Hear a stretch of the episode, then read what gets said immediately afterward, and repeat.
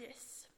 Eh, jag har tänkt att eh, börja läsa lite ifrån eh, Markus evangeliet 4, som vi även läste förut.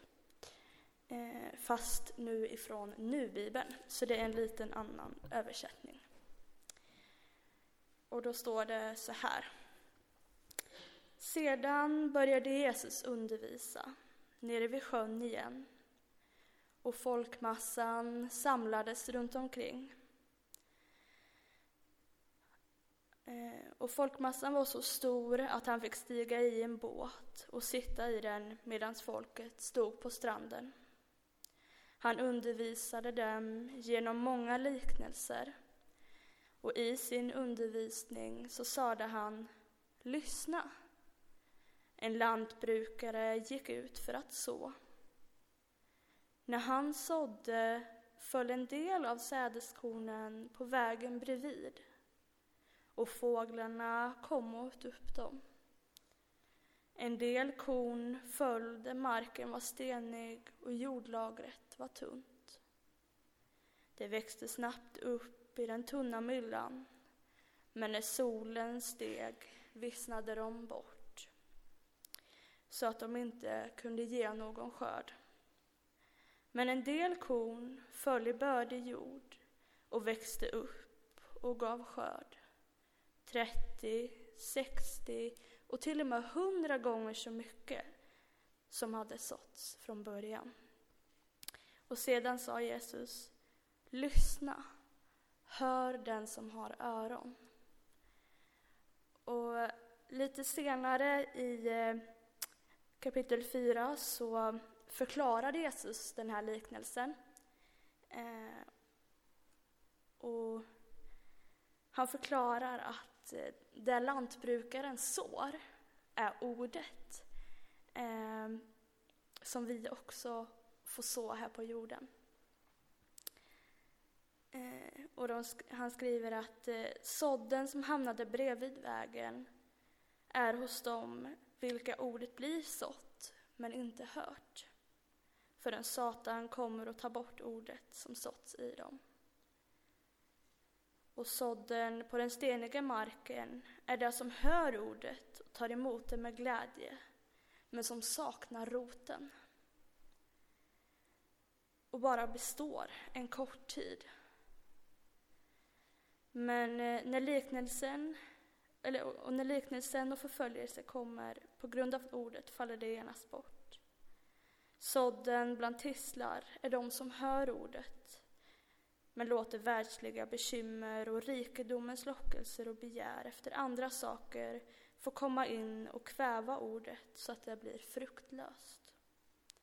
Men sådden i den bördiga jorden är det som lyssnar till ordet, tar emot sig det och bär frukt. 30, 60 och till och med 100 gånger så mycket sådd som hade såtts. Och jag tycker verkligen att det här är en eh, en häftig eh, liknelse som Jesus gör. Eh, för att som Emma sa förut så när vi planterar, oavsett om det som vi har gjort, tomater och lite annat smått och gott, så är det verkligen så att vissa plantor tar mycket längre tid och vissa till och med växer inte utan eh, de kanske dör redan precis när vi har planterat dem så att man inte ser någonting. Ehm, men bara för att vi inte ser alltid vad som pågår så ska vi inte ge upp. Utan det är viktigt att fortsätta. Oavsett vart ordet och skörden hamnar i, i vårt inre. Ehm, och eh, jag tror verkligen att eh, Gud har en tid för allting. Och eh, när den tiden är inne så är det början på någonting nytt. Det är början på ett nytt kapitel och ett nytt liv. Eh, och att vi då får stå stadigt med Jesus. Eh, för han vill verkligen att vi ska stå med honom sida vid sida. Och eh, Jesus säger själv i Bibeln att eh, jag är vägen, jag är sanningen och jag är livet.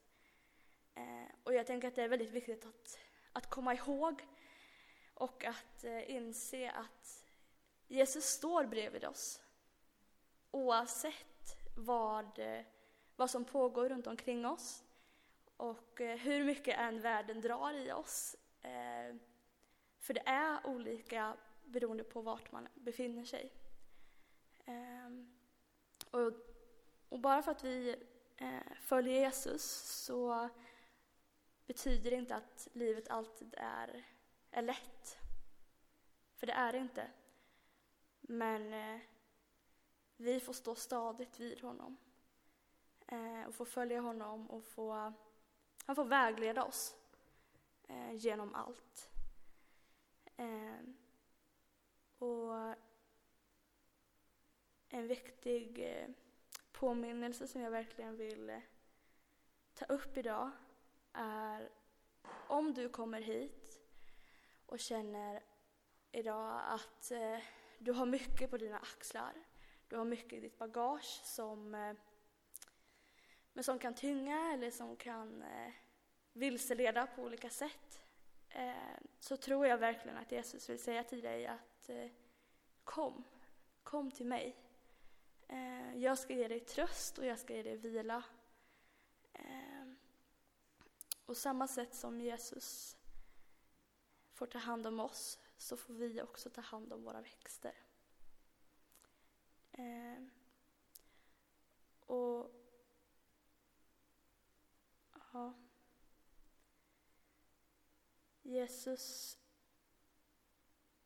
han eh, vill också att vi ska komma ihåg varför, varför han dog. Ehm, för han dog för eh, att vi skulle få liv. För att du och jag skulle få liv och vi skulle få leva. Ehm, och han eh, har burit och han bär alla våra synder, alla våra svek och tårar och allting runt omkring. Och han känner med oss.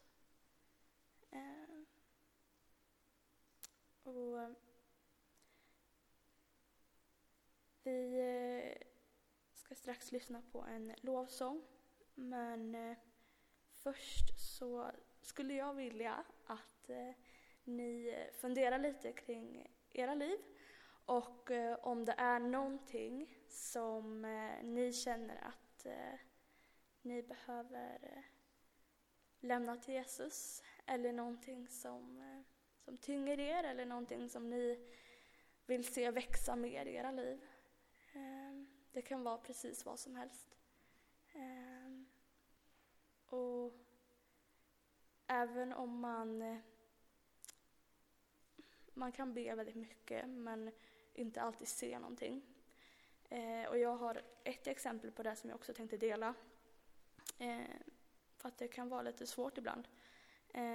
Jag eh, har en eh, mamma som eh, har varit Eh, djupt, djupt deprimerad i hela mitt liv. Ehm, men eh, varje dag som jag kan minnas har jag bett för henne att hon ska få bli frisk, att hon ska få bli bra och få, få känna glädjen igen. Eh, och det är inte förrän, ja, för ungefär en månad sedan som, eh, som hon sa att Cornelia, kan vi gå ut och ta en promenad? Kan vi eh, titta på TV? Eller liksom så här, den glädjen och eh, lyckan som hon hade inom sig, som jag fick se, eh, det var helt underbart. Och det är verkligen ett tecken på att håll i. Fortsätt be och fortsätt våga eh, prata med Jesus om allt. Eh, så nu efter snart 20 år så fick jag se skörden efter en enorm bön. Eh, så att, eh, ja. Vi kommer lyssna på en lovsång och eh, ta gärna till det som sägs. Så...